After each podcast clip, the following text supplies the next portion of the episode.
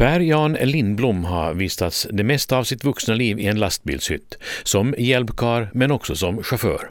Och faktiskt började han redan som barn som hjälpkar till sin far Erhard Lindblom. Det var mycket pappersved det handlade om då. Men hur var det egentligen att ha sin far som chef? Det gick nog bra det. Inte var det någon fara. Man arbetade efter vad man orkade och kunde. Och han visade mig och, och hjälpte mig. Och det gick nog bra, jo, jo. Det var det något fel på det. Man var väl lite trött ibland. Jo. Jag, gick, jag hade inte gått ut skolan då riktigt heller utan jag gick ut skolan 54. Ni körde pappersved sa du. Det var till lasta för hand då eller? Vi plockade allt för hand jo. Här norra, på norra Åland. Det fanns ju flera som körde också. Så vi fick, de där distrikterna var lite uppdelade på samtliga lastbilar och att alla skulle ha lite körning. Och sen var vi efter grus. Till varggropen körde vi ifrån. Det fanns ju inga krossar då att det såldes som det gör idag utan vi får och höste på naturgrus till varggropen. Du säger öste på. Betyder det att ni skyfflar på för hand faktiskt? Vi skyfflade på för hand, jo, jo. Det var inga. Pappa min var duktig på det arbeta med sånt där. Han var kraftigt byggd och, och jag gjorde så gott jag kunde. Jag, men eh, en lastbilsflaka kanske inte var lika stor då som nu, men ändå, det, var det några kubik som skulle skyfflas över, över gavlarna i alla fall? Det var runt tre kubik, tre och en halv kubiks lass. Och det var sådana bilar, tvåaxlade bilar då, och det var just inga några större lass.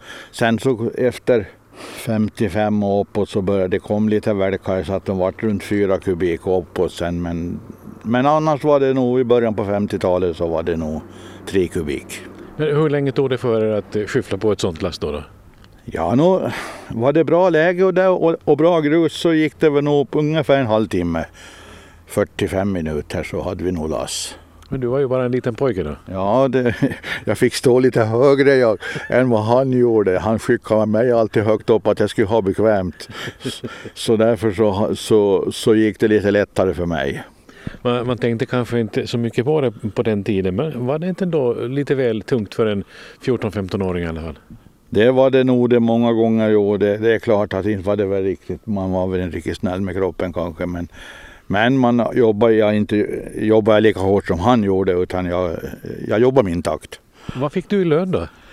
Ja, det var nog tror jag jag fick nog inte egentligen någon lön alls utan jag fick någon slant när jag behövde. Jag fick en ny cykel av honom och den var jag hemskt stolt över. Jo. Kommer du ihåg i övrigt någon kul grej från den här tiden? Jo, jag ska berätta en historia. Bruksviken är ju här i Harasby, långt ifrån där vi står. Och och där så lastades båtarna som kom efter pappersveden och förde den härifrån då. Och vi tippade där på ett berg i Bruksviken lite söder med Harasby exportslakteri. Och dit gick det en väg.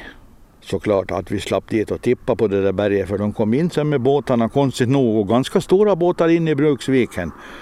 Och då hade de Harasby exportslakteri på den tiden så hade en grisfarm ovanför den där platsen där vi tippade.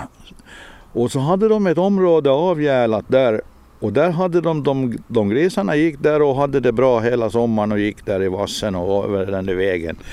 Och då när vi började köra dit vi fick lov, det var Skogsägarförbundet som, lå, som ordnade allt det där med ringbommar och båtar och folk där. Så sa Eriksson, Rickard, eller Rickard Eriksson åt oss att ni måste köra försiktigt sa han för det kan komma någon gris över vägen och, och ni får inte köra över dem. Nej, nej, sa pappa, vi ska köra försiktigt. Och det gjorde han. Han körde hemskt försiktigt där. Men någon gång ibland så såg man hur de for som projektiler i, över vägen och ner i vassen mot sjön. Båda vägar liksom. Och det där sätter i mig nu. Jag kommer så väl ihåg de där grisarna när de sprang där i vassen. Och det, det, det, ja, så att det var så. Men det hände aldrig någon olycka med dem? Nej, ja, nej, vi körde så försiktigt och, och de hade alltid företrädes. Vi var inne på det här med lastbilen lite tidigare.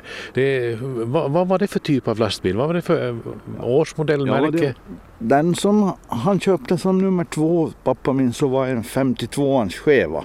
En vanlig lastbil med någonting på en 100-110 hästars, 120 kanske hästars motor. Den hade, ja, det var bensin eldriven då. För då på den tiden så var ju inte bensinen så dyrt heller utan det gick till att ha bensin. Så att det var en sån jo, som, han, som vi hade, eller som han körde med då. Jo, en Chevrolet. Inga, inga finesser på den? Nej, enda som var finess var tipp. Att man inte behövde plocka av utan det tippade av. Behövde inte skotta av gruset också? Nej. Vägarna då på den här tiden, det, det var inte riktigt de vägar vi har idag naturligtvis inte? Nej, det, var, det stämmer nog helt. Det var ju grus det.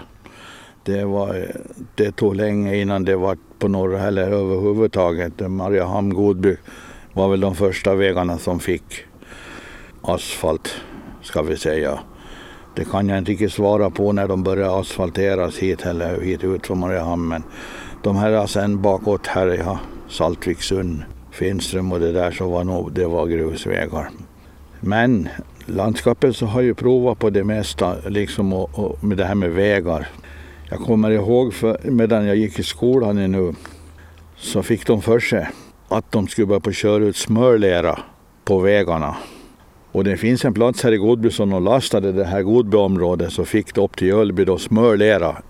Riktigt bara som smör. Så lag de på vägarna och harva ner det där, de där klumparna och bredde ut dem med en liten väghyvel. Man kan ju föreställa sig hur det såg ut innan de fick ett lager sen pudersand på det där. Liksom att man kunde ju, vet för kom det ju regn på det där så gick det inte att komma fram heller. Men sen kom ju då pricken på det där. Så fick de för sig att de skulle köra spillolja på det för att få det att hålla. Och att det inte skulle damma så den där gruset som låg på leran. Men det var en kort process, det var nog inga länge. Ja, det, var, det var många. Det var pappa min med om, för då jobbade han ju på landskapet som chaufför, alltså han hade inga eget. Och det där var pappa min med om. Han brukar berätta så då när han levde att hur det, hur det, hur det såg ut och hur det gick till. Och jag, jag såg lite av det där men det var nog hemskt. Men just det här med, med leran kommer jag ihåg också. Den, den var ju en slags asfalt den också när den var som bäst. Men sen som du sa, regnet var ju inte så bra för det. Det stämmer precis det och den var fint när det där var torrt och, och fint och en gång har fått ett fäste. Det var otroligt fina vägar. Det, eller jämna och bra. Jo, hur det såg ut. Och vägarna har förändrats under årens lopp, bilarna har förändrats, men det har ju också våra vintrar. Det var ju lite andra vintrar på den tiden. Hur var de åländska vintervägarna då egentligen? Jag var ju älgkarl på landskapet och, och, och, pappa min var ju chaufför där och han brukade ju prata om de där vägarna. För det första så var de vägarna lägre än åkrarna på många, många bitar. Vi kan ta en bit till exempel i Ämnes över där förbi var ju Wallinsåkrarna där så var ju vägen nedanför åkern och tvärt det vart en sydlig storm, vi, vi kan hålla oss där, så var ju vägen full och fast. Men då hade ju landskapet en grej där igen som de använde mycket på sådana där strategiska platser. Så fanns det något som hette snöskydd. Så på höstarna i god tid så skulle det sättas upp pålar med ett visst mellanrum och slås ner på åkern en viss längd, bredd ifrån vägen. Och så satte de upp snöskydd som var ungefär 1,20 höga och 4,5 meter långa och med mellanrum emellan med, som, som skärmar. Och där så skulle snön fastna sen innanför det där att det inte skulle blåsa dit på vägen. Och det, det var ett hemskt jobb till gå med och släpa dem där utåt åkrarna. Och sen inte nog med det. Sen så vart de där fulla på vintern. Då skulle de gå dit och ta upp trådarna och så skulle de lyfta upp dem. Att de skulle ta för nästa storm som kommer, snöstorm, så skulle det bromsa ännu mera. Men det där är ju borta nu, Allt det där. Vi har fina vägar idag. De där skärmarna finns det en liten historia om. De hade ju sina upplagsplatser de frågade markägaren då om de skulle få ha dem på det och det berget eller där, för de ville alltså inte köra allt hit till vägstation i Godby utan och det fick de göra. Men sen på höstarna när de kom dit och skulle börja på ta dem där, så då fattas det sådana där. De var bra att stänga in djur med dem där med. Vet du. Så de hade lånat dem, heter det. De har inte tagit dem utan de lånade dem. Men de kom ju aldrig tillbaks de där. Nej, jag vet ett ställe som det inte fanns en enda kvar. Det är lite som stenarna från Bomarsunds ruiner. Precis. Ja, det var ju helt klart mera snö på den tiden än vad det kanske är våra vintrar just nu. Var du med på riktiga snöplogarjobb också då? Jo, det var jag nog det. Jag var ju som hjälpkarl då Och då, Järvkaren, så skulle jag alltid med och det skulle lagas kedjor och snökedjorna skulle lappas när de gick sönder och, och tankas och allt det där så, så, så hörde det till hans jobb. Och, och på den tiden så, så ska jag säga att då, då var det snö alltså. Otroligt med snö. Men du har ju också varit med om att ploga isväg en gång vet jag. Jo, vi var ute på Bomarsundsåkrarna och så kom det en vägmästare och stoppade oss och, och sa han att nu får ni sluta med det här och, och fara ner till Tängsödavik och, och tippa av sandlasset där ifrån bilen och, och så ska ni ut till Simskälla till Notisen för de har unge och vill ha plogat dit. Och de har annat då som ska ut på samma väg sen till Simskär.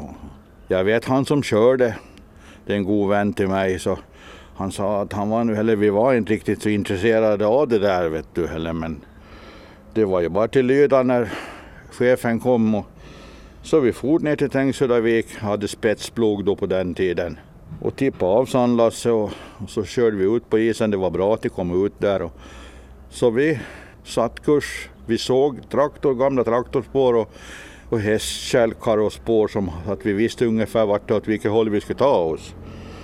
Och de garanterade isen alltså. De, det sa han som var, kom då från stan och, och dirigerade ut oss att det, det håller. Men i övrigt var det ingenting utmärkt där ni körde då utan det var att hitta vägen ut till notisen helt enkelt? Nå, det var väl någon liten ruska här, men det var långt emellan de där ruskorna. Jag minns han som körde, han sa att de kunde märka den lite, lite bättre än att man nu lite visste. Men vi såg den sådär på ett ungefär och så vi körde på det. Och utåt stora vidderna och, och hitta rätt också, eller hur? Jo, jo, vi körde en, en stund, jag kommer inte ihåg tiden nu, men så fick vi se ute på notisen, Kummel och där det var folk och hästar och och traktorer. Vi kom fram till slut sen och det gick nog bra det. Men det kan jag säga att vi körde med båda hyttdörrarna öppna. Vi, han sa, han som körde, att vi ska ha dörrarna öppna i alla fall, sa han, att vi hinner ut ifall det nu inte är som de säger. Men vi kom fram och men sen var det problem alltså när vi kom dit. De kom och vinkade åt oss och var så glada och, och foa på där att, att, att vi kom och plågade upp det där. Det var som när skarper skarsnö på isen. Den var inte lätt att få väg i på. Och inte hade vi lass. Hade vi haft lass på så hade det gått bättre, men kedjor hade vi ju på förstås. Men sen så skulle han runt där och sväng den där plogbilen där ute på isen. Det var många gånger fram och bak för att komma kom, att kom runt där. Men då kom det en gubbe där jag kände honom bra efteråt och sa att jag tar traktorn då om det inga, om går till svängar, sa han. Men vi kopplade lös plogen sen och, och svängde bilen och, och så svängde vi plogen med med hjälp av alla som var där. Och, och hemvägen hade ni ju väg att köra på? Det hade vi och då breddade han upp fullt, full bredd så att de hade, det fick yra lite sen och, vart lite, och kunna bli lite mera snö. Så vi var ute och allt var bra. Men det var ett spännande äventyr säkert? Det var det nog det. Det, det, det kändes nog lite hela vägen ut sådär att för se hur det här ska sluta. Men kom vi ut så visste vi att vi skulle komma hem. Och men sen så småningom så kom du så långt i livet att det var skriftskola som gällde. Fick du sluta jobba som hjälpkarl under den tiden? Då var det lite andra, annat sånt här, ett och annat. Jo. Så en, en, en dag så kom Nils Klemes, det var på vintern efter jag har gått ur skriftskolan men inte blivit konfirmerade. eller så kom Nils Klemes och frågade om jag var intresserad att komma med och köra lite i skogen med hästarna med, med han. Och, och det tackade jag inte nej, jag tyckte det, det, det, var fint för han var ju, han var ju då, det hette väl hette inte lagting då utan det hette landstinget då. Han var ju en upptagen man så han var inte mycket hemma. Och de, han hade mycket ved där i, i Söderskog då som vi, som vi kallar och, och det, så jag höll på och körde åt han den vintern. Knallade jag på lite hela tiden. Det är ju ganska intressant egentligen. Jag menar du är inte precis lastgammal men ändå har du fått prova på det också. Jo, det, det, det, var, det, var, det var faktiskt roligt men jag hade en bra lärare. Fredrik Blomster. Han och körde i skogen åt han den vintern. Och han lärde mig mycket knep det var inte bara råstyrkan som, som gällde utan det fanns mycket knep som man kunde utnyttja som inte jag visste om. Men han visade mig och han var hemskt snäll på det viset. Han kom och hjälpte mig ibland och, och så körde han fram hästen och, och Lasse åt mig att jag fick den på stadig mark och så där. Så att man lärde sig hela tiden. Men för att återgå tillbaka till skriftskolan, du blev konfirmerad och det är för en sån legend som Valdemar Nyman. Jo, jag gick för Valdemar Nyman som, mång, som många, många andra här i Finström. Det gjorde jag och det var 15 maj 1955 så vart jag konfirmerad. Jo. Kyrkoherden Valdemar Nyman, vad har du för minnen av honom? Hur, hur upplevde du honom på den tiden? Ja, han var en trevlig människa och bra till hör på. Det var inga långtråkigt till hör på honom när vi gick i den där skriftskolan. Han, han pratade och, och resonerade och han, han gjorde så att tiden inte vart lång i alla fall. Den, den saken är klar. Nej, Nyman var annars en bra, en bra människa. Och när konfirmationen var klar, ja då var det landskapet i Godby som eh, garaget där som gällde igen? Jo, då hade pappa ordnat jobb åt mig där och så började jag där på, med samma i slutet på maj. Så började och så var jag hela, hela sommaren med på vägarna. De bygg, då byggdes vägen genom Godby och Ämnes. Jag har varit med på den ända fram till Rosenberg, eller till Brosunde säger vi och bred ut lassen och då bredde vi ut lassen för hand. Vi var fyra man och jag fick vara med där. Fem man var vi förresten som, som bredde ut lass. Det kom inte så stora lass i gången men de skulle bredas ut i alla fall topparna så jag var med hela vägen där. Men du var inte hjälpkar på bilen utan du gick på vägen så att säga? Jo, då var jag på, på vägen.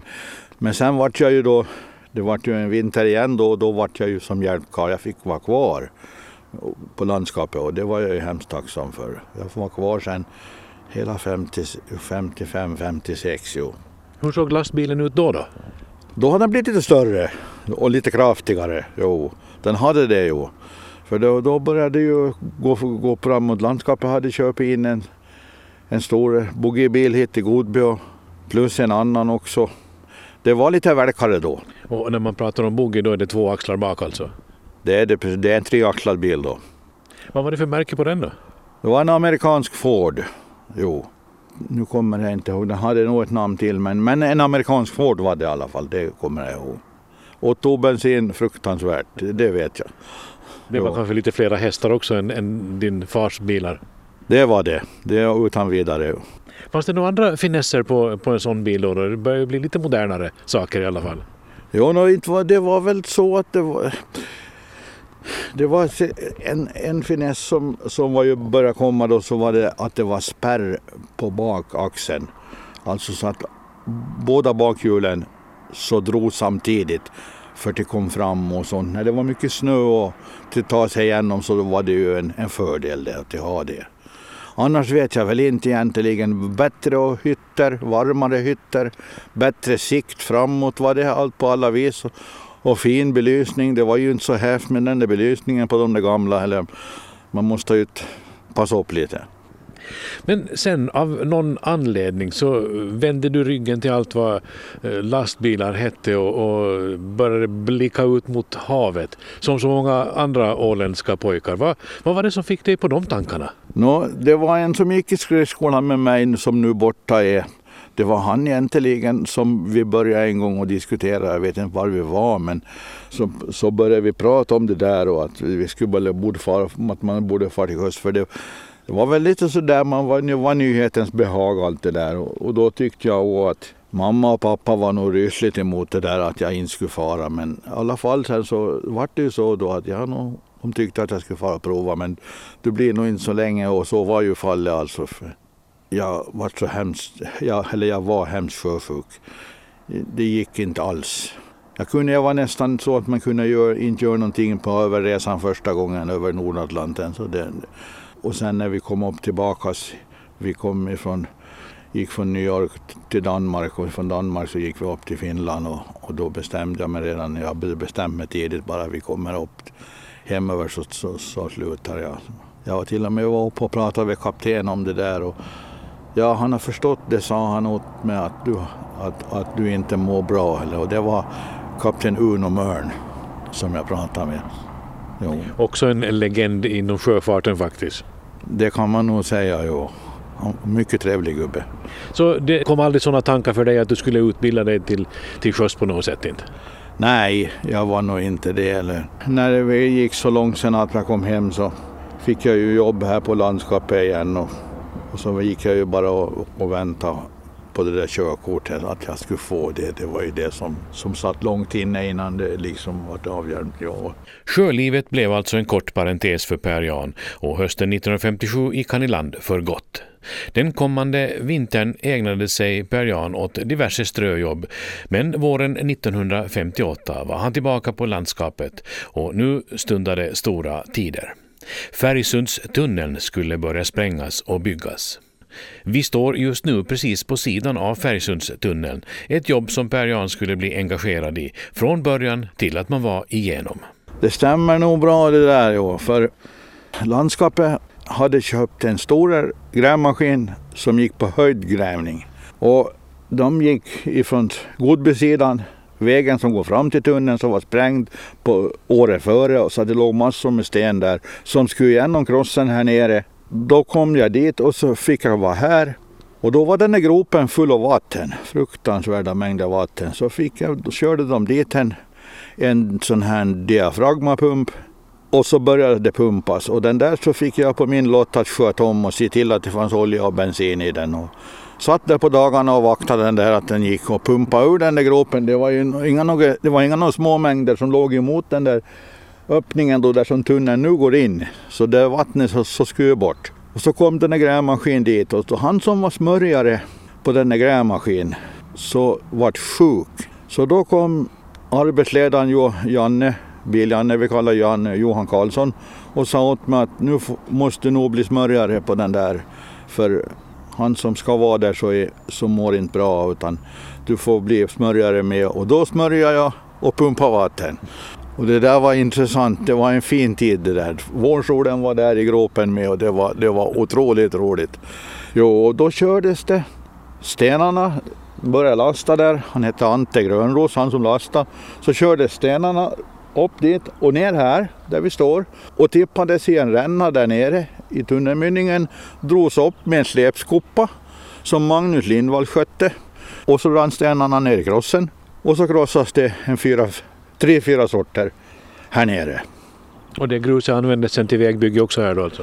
Det gick ut som asfalt, asfaltering. Då, då var det full fart mellan Mariehamn och Godby. Då asfalteras det för fullt. Hur länge tog det sen för att komma igenom det där berget? Det är ju inte så jättestort berg Nej, ändå. Men, men... Det, det, var lite problem. Det var lite problem med det där alltså. För landskapet hade, hade meningen att de skulle göra det själva i egen regi. Jag hade köpt in lite grejer och kompressorer och saker och skulle börja. Men det gick inte så bra som, som de trodde. Så det kom en annan firma hit som kallades, jag har hört aldrig något annat namn än de kallades för Koskinenspojkarna ifrån Mariehamn. Och de hade mera resurser och saker typ sätta igång för att komma igenom. Och då började det hända saker alltså. Jo. Men det sprängdes då bara och kördes bort massorna? Jo, de sprängdes och så drog de ut den sen. Det var en hjullastare, en liten hjullastare som lagde i den där rännan där. Och sen drogs det upp med den där släpskopan upp till krossen och, och så rann det genom krossen och ut. Så det var en riktig sån här rundgång egentligen? Ja, det var det det ju. Och sen då så var min pappa då här med och körde bort. De var två lastbilar som körde bort det där krossade och körde upp det till landskapet där på ett berg där som det nu är bostadsområde och lagade allt det där där och där lastas det ut sen när det skulle asfalteras. Jo. Så tunneln den invigdes då 1959 då någon gång den eller hur? Trafiken släpptes på 1959 jo. Men eh, bron fanns ju långt före det. Hur, hur gick vägen då förbi berget här egentligen då? Ja, det, det är den här vägen som vi ser här, det som gick ner här och så en tvärvinkel ut på bron och så över. Det var hemskt halt här alltid på vintern och mycket snö. Det med nordlig storm här uppifrån Saltvik så, kom det, så drog det upp snö och lag så här. Det var, det var en riktigt, det var inga, ingen bra plats alls det här. Så tunneln var nödvändigt helt enkelt att få det gjort? Utan vidare jo. Den, den, var nog, den är bra. Den där tunneln så det var, den, om man ser på den här tunneln när man kör igenom den, den var, det var lite problem i början för att få riktningen. För tunneln är krokig in i. Alltså den är, ju, den är böjd helt enkelt in hela vägen. Och det var det där till att få det till passa ihop med den sprängda vägen som var där uppifrån. Att de skulle komma kom, kom ihop med varandra, att de inte skulle komma om varandra liksom på fel. Men de var duktiga. Jag vet inte vem det var som skötte det där riktigt då från landskapet. Men det gick nog bra. Så jag kommer väl ihåg den dagen när första person kröp igenom på alla fyra upp under tunneltaket där i sprängstensmassorna. De till och med bjöd ut åt mig att jag skulle komma med och, och krypa igenom men jag var lite försiktigare. Jag tänkte, jag hade ingen hjälm heller och ingenting så jag tänkte nej dit ingår jag nog inte heller. Men han kom han, det var en utav Koskinens anställda som kom krypande och det finns nog till bild det och säkert och, och reportage. Det måste ha varit en stor dag i alla fall. Det var det nog det jo. Det var, det var, det var en stor sak det där då på Åland. Det, jo. Och idag snurrar det på bilar där genom hur mycket som helst dagligen. Ja, ja. Men du gick också och väntade på annat egentligen och det var väl den där riktigt stora grejen att få ett körkort? Jo, det var ju det man ville ha så fort som möjligt, alltså att man fick börja köra. Det var ju lite då, man, man måste ju vara 20 då 20 år för att få yrkeskort då. Alltså det, det, idag så, så är det ju lite annorlunda. Va? Så jag måste vänta endast till 59 innan jag fick det. Alltså när jag fyllde, för jag, jag är född i oktober och, och sen tre dagar efter jag var, fick kortet eller var och läste upp så var jag upp till Nordin och fick det. Att jag skulle få det med samma så fort som möjligt. Men eh, det betyder alltså då inget privat körkort först utan det var yrkeskort direkt? Det var, det var yrkeskort direkt, jo. Det var det på lastbil, jo. Hur var det att ta yrkeskort på den tiden? Då? Vad, vad ingick det i det egentligen? Nå, egentligen, om jag säger som det är, så var det inte så invecklat heller. Utan jag gick ju bilskola, Nyholms då. Och eh, ja, det var lite papper måste man ha och lämna in där och sen var det bara till anmälelse och så där satt vi då och, och han gubben Nyholm då levde på den tiden och mycket trevlig gubbe han tillhör på. Han var nog inte alla gånger körkort som det handlade om utan det kunde vara lite hans resor i Amerika och ett och annat sådär. Jo, och sen då så körde vi, eller körde man upp med i aren själv, då han som hade personbil. Och sen kom pappa min dit på kvällarna för han körde då redan på flygfältet med den. Och så att jag fick lite körtimmar. Man måste ju ha det med lastbilen då innan man vart god. Jo. Så bilskolorna själva hade ingen eh, lastbil egentligen? Nej, de hade inga då i nu, då heller, nej, utan det måste man ordna med själva. Eller själv alltså, jo det var så. Hur många körtimmar handlade det om då? Ja, det där var en bra fråga. Det jag kan väl inte säga riktigt nu så säkert heller. Men i alla fall då måste, du ha, då måste man ha en 15 timmar lastbil för, till, för till det där. Jo. Men teorin då, handlar det om, om maskin på bilen Nej. också? Nej, ingenting med maskinerna. Det enda som vi läste eller gick igenom så var bromsarna. Jo, och sen det där med vikter och sånt, så det gick man ju lite igenom. Men det var nog hemskt lite det också. Jo, det var nog mest det här trafikreglerna som gällde bara. Vet. Jo. Men så kom ju då den stora dagen och du fick ditt körkort i handen. Vad, vad blev ditt första körjobb om vi säger så? Nå, det var förstås lastbilsjobb. Det var Rundbergs på den tiden då Önningbysågen som annonserade efter att de behövde, skulle behöva ha en lastbilschaufför till att köra inne på sågområdet och sortera lite stock där med, med lastbil då i Hiab. Och det tog jag och jag var där hela den vintern till våren.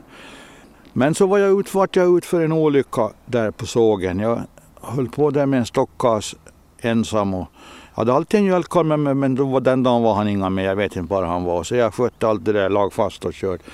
Och gick fram dit till den där stockhasen och skulle lyfta lite och ändra på det där. Och så rullade en stock ner och rätt på foten. Och det, det, det bröt inte sönder foten men det klämde den ordentligt så det, det vart sjukt. Så jag vart sjukskriven, jag for till sjukhuset, de skjutsade mig till sjukhuset.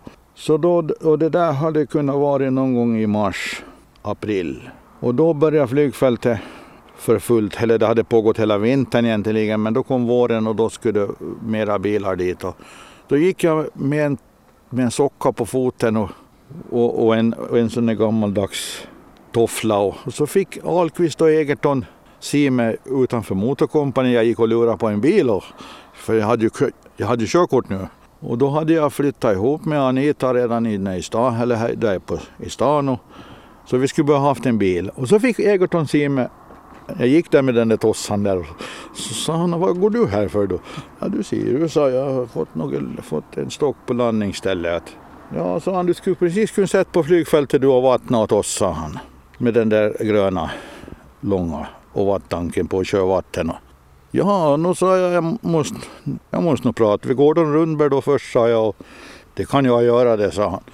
Följande kväll så kom han hem till oss, vi bodde på Strandgatan och så sa han, hörde kan du fara och vattna om morgonen? Jag pratade vid Gordon, ja. Och sen var jag inne på flygfältet och, och där vart jag bra länge. Så här ganska snabbt egentligen så fick du ditt andra eh, körjobb så att säga. Men vad var det för eh, typ av lastbil som du körde på, på sågen? No, det var en tvåaxlad Scania det med en vanlig Focco Hiab på vajerkran som vi körde fram stock med. Och, och, och, och, sen så hade de en till, en som hette Scania 55 och den var avregistrerad så ibland så kom de efter den där 75an och så fick jag köra med den där 55an inom området där. Och höll på med det där och sortera stock då ända fram emot våren. Jo. Det var ganska kallt den vintern minns jag så att det var, det var lite bistert ibland men det gick. Men här, här hände det tydligen någonting. Nu var det liksom svenska lastbilar, inte amerikanska längre. Eh, hur var det med maskinerna? Var det diesel eller bensin? Nu var det dieslar jo. Nu är det nog bara diesel det gäller hela tiden. Jo, det, det, bensinen så hade gjort sitt där. Och den där bilen som du vattnade med på flygfältet, vad var det för typ av bil då? Det var en Mercedes Benz med lång flaka. Den där bilen så köpte Ahlqvist och Egerton och körde mjölk med den i bra många år ifrån Ängesund. Men så, så småningom så upphörde det där körande därifrån med dunkor och kannor. Och då var den där överlopps och då behövdes det bilar till fältet just för till byggande och, och då så fick de den där in där och, och började vattna med den. Den var till och med kallad för dockvagnen den där för den var så mjuk och fin. Den hade hemskt långa fina resårer. Den var otroligt fin att köra. Den var som en personbil. Och det här med att du vattnade på flygfältet, det var väl inte gräsmattor precis inte? Nej, det var på startbanan, blivande startbanan. Det var en procedur som, jag, som, som man många undrar på om det faktiskt skulle göras så där. För allt grus, det var inga crossgrus då heller nu. Utan krossgruset kom ju först in när banan skulle läggas, alltså det här övre lagret. Utan det där undre lagret, så det var naturgrus och kom från varggropen. Alltihopa. Och det vältades med stora vältar som traktorer drog. Och då var det slätt och det var hårt och det var jämnt och vi tyckte att det var så fint att det där skulle ha dugat till att asfaltera på. Men icke, det var inte så. Utan sen på kvällarna och nätterna så kom de med piggvältar så körde de sönder alltihop det där som var så slätt och fint och vart det som koppar. Ungefär koppar som var 5-6 centimeter djupa i gruset. Och på morgnarna så började vi klockan fem, halv sex, så måste vara tidigt uppe. Och då skulle de där groparna fyllas med vatten, alla de där rapporterna. Vi var fyra bilar som körde vatten. Då körde vi endast emot, mot eftermiddagen vatten i de där grupperna. Sen kom de och välta fast allt det där igen de där grupperna, de gick ju fast för det var ju, vart ju mjukt det där. Så det, då vältade de fast dem på nytt. Och så piggvältade de på nätterna igen. Så där höll vi på. Och det var det som var det underliga. Fast det regnade som himlen skulle vara öppen så tyckte vi att, att idag behöver vi inte köra vatten i alla fall. Mera vatten sa de bara. Och, det som vi pratar om nu egentligen så är när det, det så kallade nya flygfältet byggdes över det gamla förstås. Jo, det är den nya startbanan. Var du med där under hela tiden som det nya flygfältet byggdes då? då? Jag var inte med den där första vintern heller, då när de började köra dit grus. Då var jag inte med. Men jag, hade ju, jag körde åt Ahlqvist och Egerton sen, så jag vart där sen hela den sommaren när asfalten läggdes. Då var det, vi var fem eller sex bilar som vart kvar där och, och laga ut den där massan, eller as, eh, det här krossgruset. Då slutade jag. Per-Jan fick alltså vara med om nästan hela flygfältsbygget.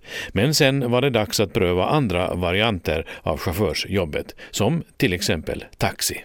Jo, när jag slutade på flygfältet så såg jag att det var ett taxijobb ledigt på Mariehamns taxi. Eller jag hade inte slutat heller på fältet utan jag, jag visste att det skulle börja bli färdigt där så jag började på höra mig för i god tid efter något jobb, annat jobb. Och då, var, började, då gick jag och frågade han taxiägaren och jo sa han det går nog bra det sa han du får börja på söndag morgon fast med samma om du vill. Hur var det att köra taxi på den tiden och jämfört med idag till exempel? Det är lite annat i alla fall. Det, var, det är det nog det. Det var, det var mycket, folk som åkte hit på den tiden. Det var otroligt med mycket som kom med färjorna folk. Så det var lite stressigt när färjorna kom. Då hade vi ju fullt upp alla bilar. Vi var väl emot en, jag vet inte vad de är idag nu, men då hade vi nog en 25. Men det var Västra hamn och upp till centrum fram och tillbaka hela tiden? I stort sett jo. Och sen en runda utåt landet någon gång då med några sådana jo, som skulle ut till några stugor eller hotell eller vad det nu bar iväg. Jo. Och ner till Långnäs och Svinö och jo. Men eh, taxijobbet då, var det ett bra jobb det då? Var, varför eh, fortsatte du inte som taxiförare? Nå, nu ska jag väl säga då så här alltså att vi fick ju, eller vi bildade en familj och fick barn och sånt så då är det ju roligt att vara hemma och lite. Och, så det var ju mest nätterna som var de, tyng, de tyngsta alltså. Och då på den tiden så var vi ju inte så mycket lediga heller alltså. Det, det var mycket hela tiden till köra. Och, och, eh, det var faktiskt under taxitiden som du lite kom in på det här med Transmar så det blev lastbilar igen så, så att säga. Jo, no, Transmar började ju då, de, de är ju ifrån 61 behövde de hjälpkarlar så då kom, hörde de alltid efter till taxi vem som var ledig den och den dagen för de visste att det kom mycket hem med färjorna. Och, och då så körde jag lite distributionsbil där och, men också hjälpkar på de som kom hem och långtradare som skulle gå ut igen. Så därför så vart det sen att jag så småningom kom in på Transmar. Det vart en plats ledig där och det var till och med två tror jag och, och då så frågade de mig om jag ville börja på köra på, på så kallad långfart.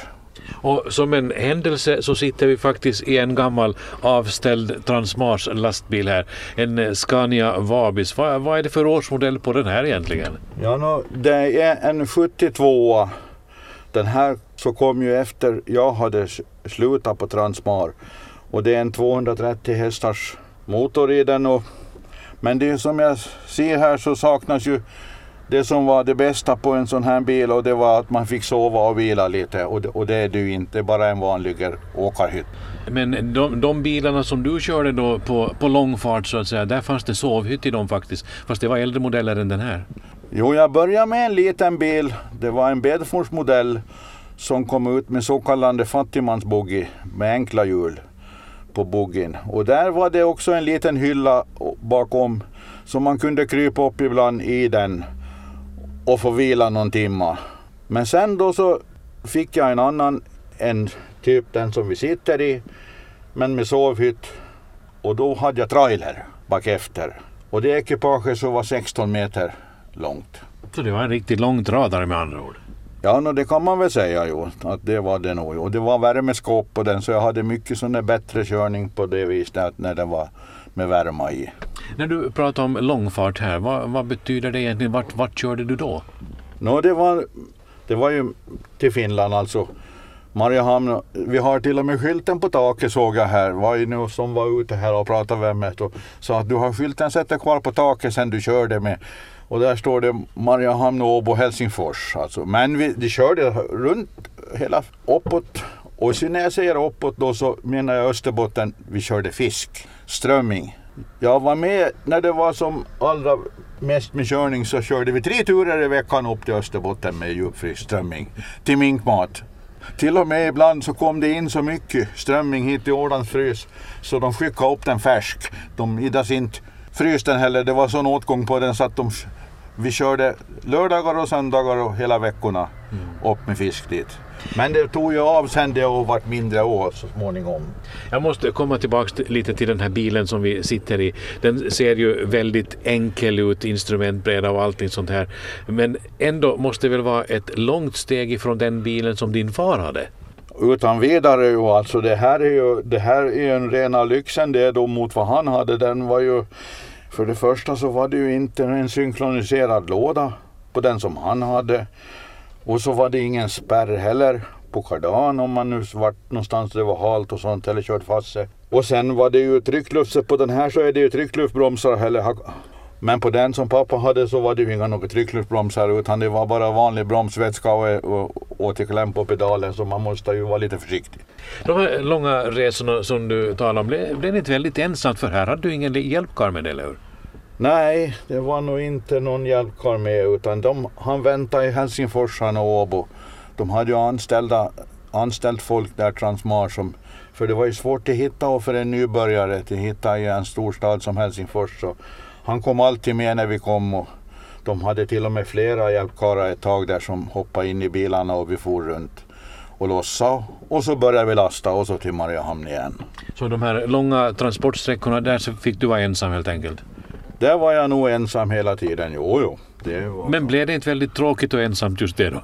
Nå, no, var det det ibland och det håller jag nog fullständigt med om. Jag minns, jag körde på Stenungsund i Göteborg. Vi körde råmaterial därifrån en, ett, en stor fabrik som heter Unifors Kemi som vill lasta råmaterial då hit till plast och sen upp till Lahtis. Och det var ju långt dit ner alltså. Det var, började röra sig runt 800 kilometer. Så det, nu var det ibland så att man nog funderar vad man har börjat med egentligen. I den här bilen finns det en radioserie. Hade du radio i den bilen du körde? Jo, jag hade faktiskt en radio. Det var det enda sällskapet de som pratade med mig. Så det blev alltså några år på Transmar som långtradarchaffis och på den här tiden behövdes inte någon ytterligare skolning för det, vilket ju krävs idag. Men åren gav också Per-Jan en massa minnen med i bagaget. Man får ju uppleva det mesta av historier och saker och se mycket när man är ute så här och kör då i Sverige. Det här som jag tänkte tala om, så de där resorna ner till Stenungsund så kom vi ner på, på morgonkvisten dit och lade sig och sova utanför portarna där. Det var ju stora områden. Så kom de och väckte upp en och så fick man lastat ganska snabbt. Det gick fort att lasta. Men man skulle hem och, och så skulle man över hissingen i rusningstid klockan 12-tiden kom jag upp ibland. Man kom upp den tiden och då skulle vi, hade kursen ställt till Kapellskär. Och, och så såg jag en gång när jag kom upp på hissingen att, uppåt bron att, att jag var i fel fil. Och den filen så gick in till stan i Göteborg. Så tänkte jag att det här kommer till slut att tokigt för jag hade i alla fall det var, det, jag hade 16 meter till hållreda på. Men så började jag blinka i god tid uppe på bron så, så blinkade jag vänster att jag ville byta. Men de bara körde förbi mig där och så tänkte jag att, att så började jag köra saktare. Så kom det en taxi bakom mig så tittade jag i spegeln. Så började han blinka med lamporna åt mig att jag ville byta. Så, så började han hålla på den filen jag skulle i så att det var öppning. Och där fick jag komma in med mina 16 meter. Och jag var hemskt glad åt det där för inte kände jag ju till Göteborg någonting. Men jag visste ju vilken väg jag kom ner och visste vilken väg jag skulle upp därifrån igen. Så att det gick bra. Det var sådana där små saker som man kunde hamna på. Jo. Men det här var ju ett riktigt snyggt samarbete egentligen mellan två förare som inte ens kände varandra. Ja absolut, jo, det stämmer det. Jo, jo. Jag tänkte berätta om en annan historia som jag var med och utför här. Det vi hade var på den där distributionsbilstiden så det var ju mycket strejker och saker och 1966 så var det någon sorts totalstopp. Det var isbrytare och färjor. Ingenting gick. Det var bara svenska bolaget, det där Myrstens som körde med en liten färja, vad den nu hette, kommer jag inte ihåg mera, men jag tror det var Apollo. Så kom Roberts, det var Roberts på den tiden som var chef och sa att om vi skulle ungefär med två bilar till Gustavs efter lite förnödenheter som ligger där eller som de kommer ner med som vi skulle behöva få hem hit till Åland. Att om du och en annan då skulle kunna ta de här små bilarna och köra över isarna dit. Jag, tänkte, jag sa jag måste nog fundera och prata lite med frun med det här sa jag för det, det var torsdag och ja, no, vi kom överens att jag skulle fara i alla fall. Hade fullt last dit med kött ifrån Haraldsbäcks sportslakteri i min bil för den var täckt. Så körde vi över och åkte över med färjan. Vi var, det var ju märkta vägar då. Och så lastade vi där. De var nere och mötte oss i Gustavs och så lastade vi där och så körde vi hem över och upp på färjan igen. Men det var ett tungt lass jag hade på min bil och han andra och förresten hade nog inte något lätt heller. Så vi kom över och så kom vi till Prästö och där mötte de igen och så kommer de och frågar om vi skulle kunna få fara en resa till. Och då började klockan bli mot fyra snåret. Så jag ringde hem och så berättade jag att jag kör en resa till och kommer hem någon gång sent ikväll eller i natt. Och jag for, kom till Gustavs, lastade på där och det som var viktigt att komma hem det var nog mest mediciner och, och lite annat sånt där förnödenheter som behövde matvaror. Så for vi igen och kommer ut på delet. Så kom vi till en råk, den visste jag av. Men jag visste inte av att det hade gått upp en spricka ifrån råken och norrut i snön. Den syntes inte sprickan heller. Så jag körde över jag tänkte köra över på gamla ställen men tänkte jag ska ta lite norr med den där gamla råken. För den var så pass stor och ojämn den där råken så jag, jag provar på övre sidan. Men det skulle jag inte ha gjort. Jag vart på kilen som hade gått ihop med råken och fick framhjulen över men när bakhjulen kom på den där kilen så då gick det igenom. Vad hände sen då? Ja, vattnet började ju stiga runt. Vi hoppade ur och Vattnet började stiga runt bilen och så upp med portarna, eller dörrarna bak och så började vi bära ur. Och det var väl en 7-8 grader kallt och blåste nordlig. Så jag visste ju precis vad det skulle bli med det där. Alltså. Jag var rädd att bilen skulle sjunka eller gå igenom. Men det gjorde inte det. Den var hängande. Den slutade sen, vattnet kom upp en viss, kanske en 20-30 cent runt bakhjulen. Och det, och det var bra med det. Så vi fick upp dörrarna och så såg jag att det kommer en bil ifrån Vårdehållet så tänkte jag att den där, den där tar jag. Jag hugger den tänkte jag för jag måste få en bil att jag kommer i land och får meddela vad som har hänt. Och då var det Alfors. De var ute och tittade hur det var på isen. Så han skjutsade hem mig till sig. Jag fick lite varmt där utav honom. Så ringde jag hem och ringde till Robert och Robert sa mig samma att jag kommer efter direkt. Så sen får vi ut tillbaks och Alfors satt där och vi väntade. Så vi lämnade bilen och så skjutsade Robert hem mig och då hade jag, hade jag bärit ur allt som var i den. Den var tom. Och radade upp det där på isen. Sen så sa Robert åt Alfors att du får fria händer med att ta bort den imorgon.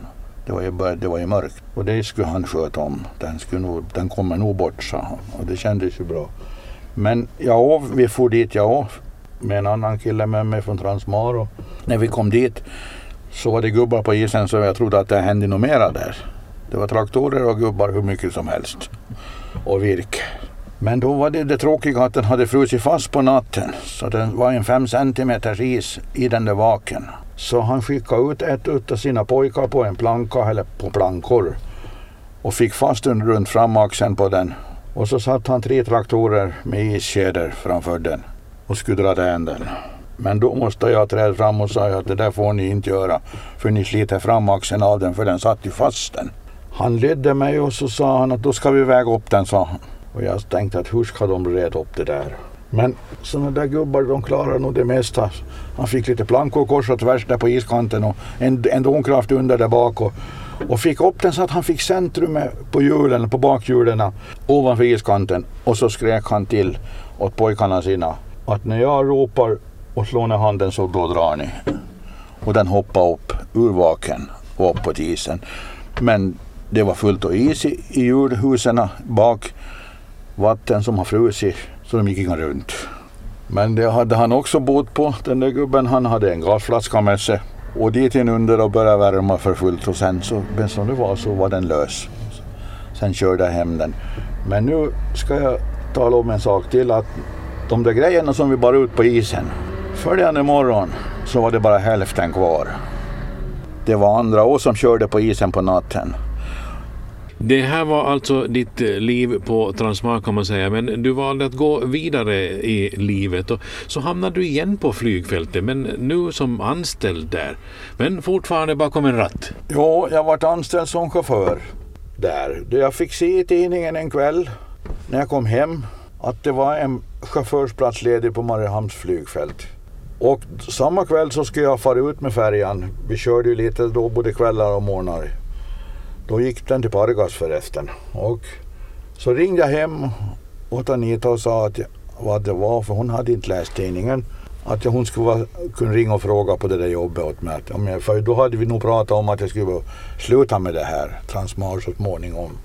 Och det gjorde hon och jag, då ringde hon sen till Åbo och sa åt mig att du är välkommen dit på en intervju när du kommer hem tillbaks nästa gång. Och på den vägen var det, jag var dit på intervju och så fick jag meddela att jag var anställd där som chaufför. Chaufför på flygfältet, vad, vad är det för arbetsuppgifter då som gäller egentligen?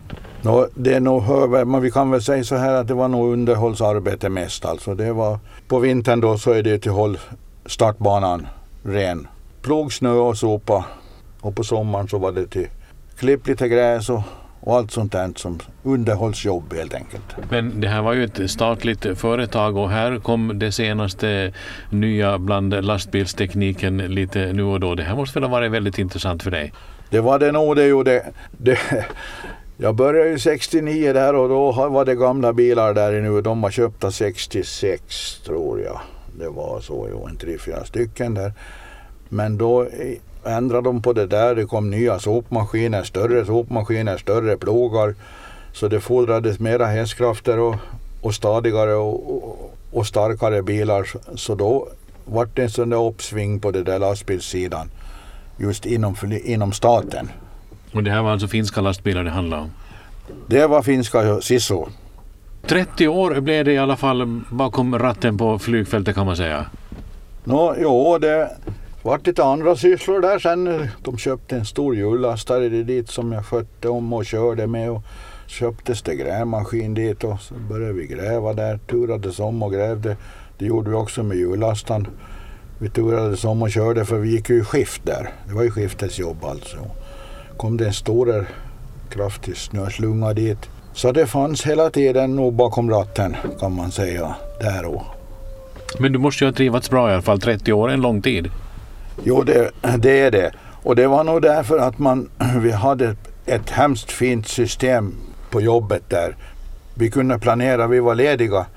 Vi visste precis när det kom till sju listor så kunde man titta på dem att man kunde planera framåt. Och det, det satt man ju värde på alltså, till att få vara ledig och, och göra något annat då emellan åt sig själv till exempel. Det finns ju trots allt en fritid också. Men hela ditt vuxna liv bakom ratten, har du aldrig ångrat dig? Nej, jag måste faktiskt erkänna det att för mig var det nog det rätta. Alltså jag, var, jag har inte varit så skrivkunnig och inte så räknekunnig heller. Men jag har ju klarat mig. Men det var nog det bästa jag gjorde tror jag. Det är klart att man, man går ju till lära om men det kan ju... För mig var det nog det, det rätta alltså. Som men, chaufför. Men vad tyckte din far då om ditt yrkesval? Det var ju han som på något sätt var orsaken till det här och drog in dig i den här branschen egentligen. No, han tyckte nog han att det var rätt väg. Alltså, jag förstod han bra. För han sa det alltså att är man chaufför så är man chaufför. Men inte min mor. Hon tyckte nog hon någon gång att jag skulle borde ha blivit något annat. Men det var så där. Och nu har ju också en av dina söner hamnat bakom ratten. Du har aldrig liksom försökt avråda honom från det yrket? Nej, det har jag, jag har inte liksom brytt mig om hans... Det var ett dag som han tänkte på att köra han kör ju mycket här på Åland men även till Sverige. Och då tänkte han på att köra långfart och då sa jag åt honom en kväll där hemma att du ska fundera två gånger på den här långfarten men till köra här hemma och fara till Sverige efter därifrån så det kan man ju tänka sig alltså. Men inte hela tiden på långfart. För det är ju familjerna som får sätt emellan alltså det är ju så. Men, men vad är det som har varit så bra med chaufförsjobbet då? Nå för det första då när jag kört på Transmar så brukar jag säga så fick man ju se omkring sig. Man vart ju skickligare överallt och, och träffade mycket folk och det tycker jag om. Det är roligt att få resonera med folk om ett och annat. Så det var ju en sak. Och sen en annan sak så hade jag haft tur med det att jag har haft bra arbetskamrater. Och vi har alltid kommit bra överens sådär och haft bra arbetsledning. Så det, det har gått bra.